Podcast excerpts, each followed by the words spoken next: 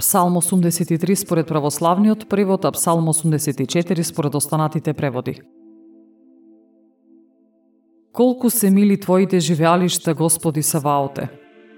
Копне е душата моја сакајки да е во Господовите дворови. Срцето мое и телото мое со радост се стремат кон живиот Бог.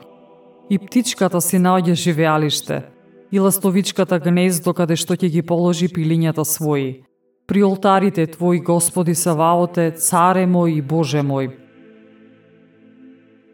Блажени се оние кои живеат во домот Твој, тие постојано те фалат.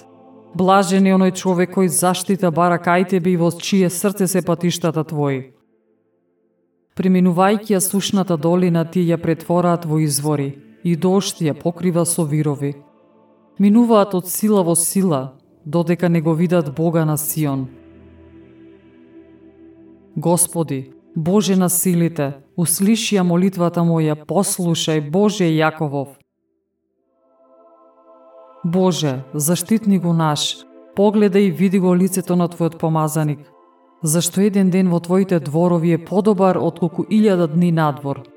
Повеќе би сакал да стојам на прагот пред Божиот дом, отколку да живеам во шаторите на нечистието. Бидејќи Господ Бог е сонце и штит, тој дава благодат и слава. Господ не ги лишува од блага оние што одат непорочно. Господи Саваот е блажен е оној човек кој се надева во Тебе.